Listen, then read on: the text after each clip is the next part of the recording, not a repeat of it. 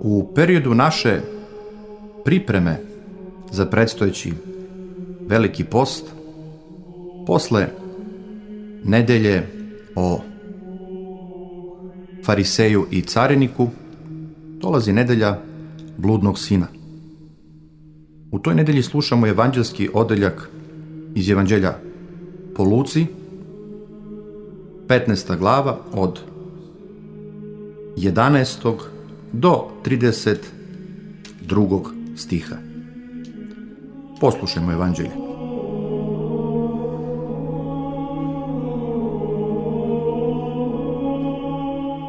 Čovek neki imađaše dva sina i reče mlađi od njih ocu, oče, daj mi deo imanja što pripada meni i on im podeli imanje. I posle nekoliko dana pokupi mlađi sin sve svoje i otide u zemlju daleku i onamo prosu imanje svoje živeći razvratno. A kad potroši sve, nastade velika glad u zemlji onoj i on poče oskudevati.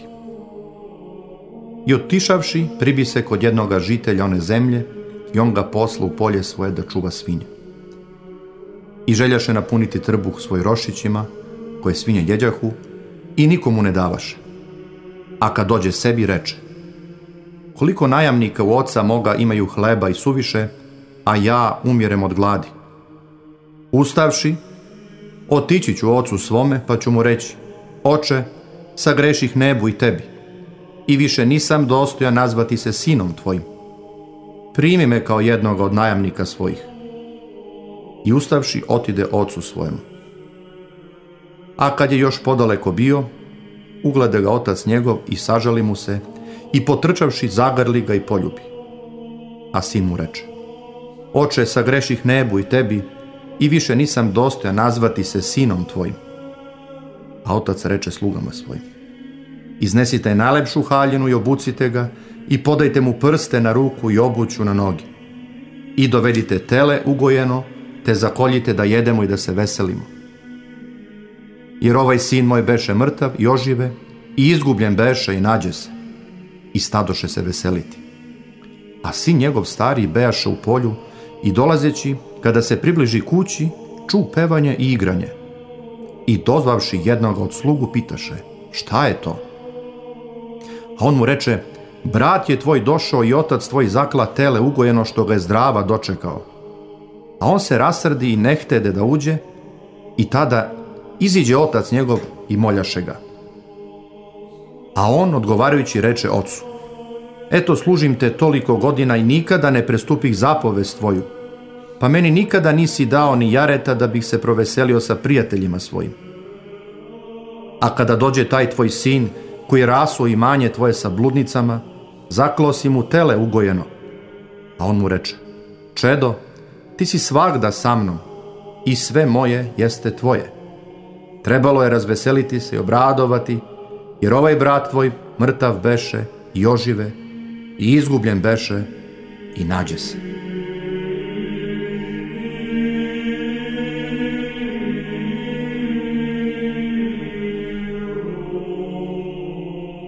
Kada je reč o tumačenju ove priče o bludnom sinu, priče koju smo upravo čuli i koja predstavlja jedan od evanđelskih odeljaka kojim se pripremamo za predstojeći veliki post, jedno od najlepših tumačenja ove priče dao je sveti i prepodobni Ava Justin Ćeliski.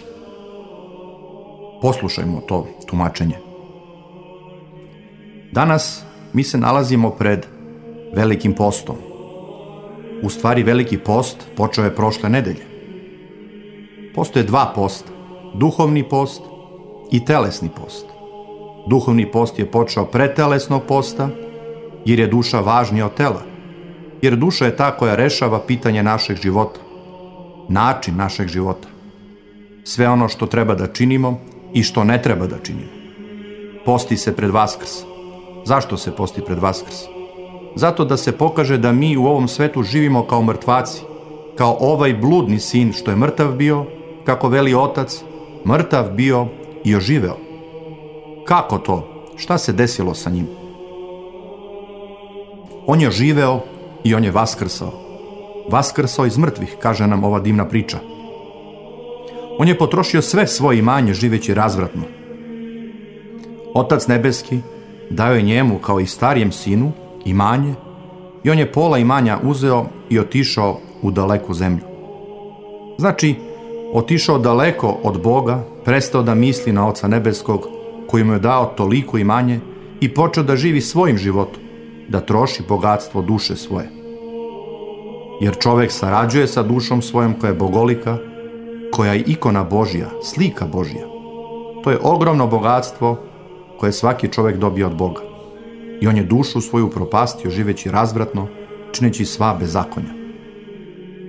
Ali kada je glad nastala u toj zemlji, to jest daleko od Boga, kada se oseti čovek siromašan, bedan, ništavan, pust, prazan i siromah, puki siromah.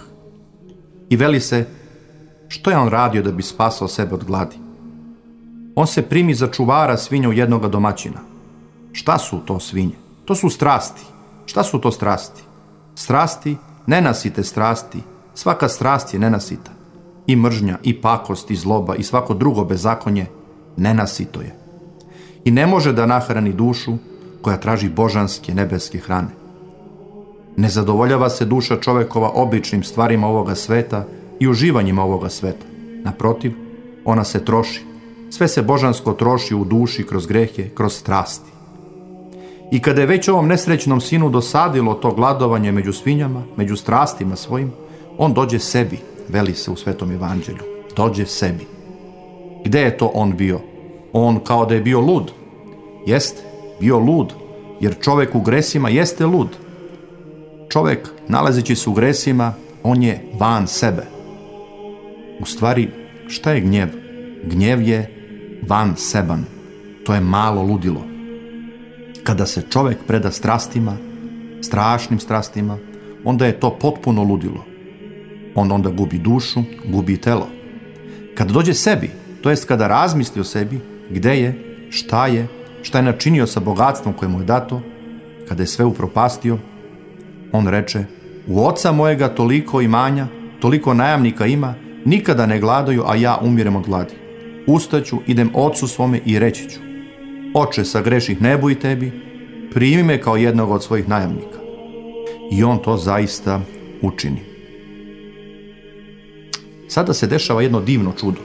Čudo vaseljensko, čudo celoga sveta.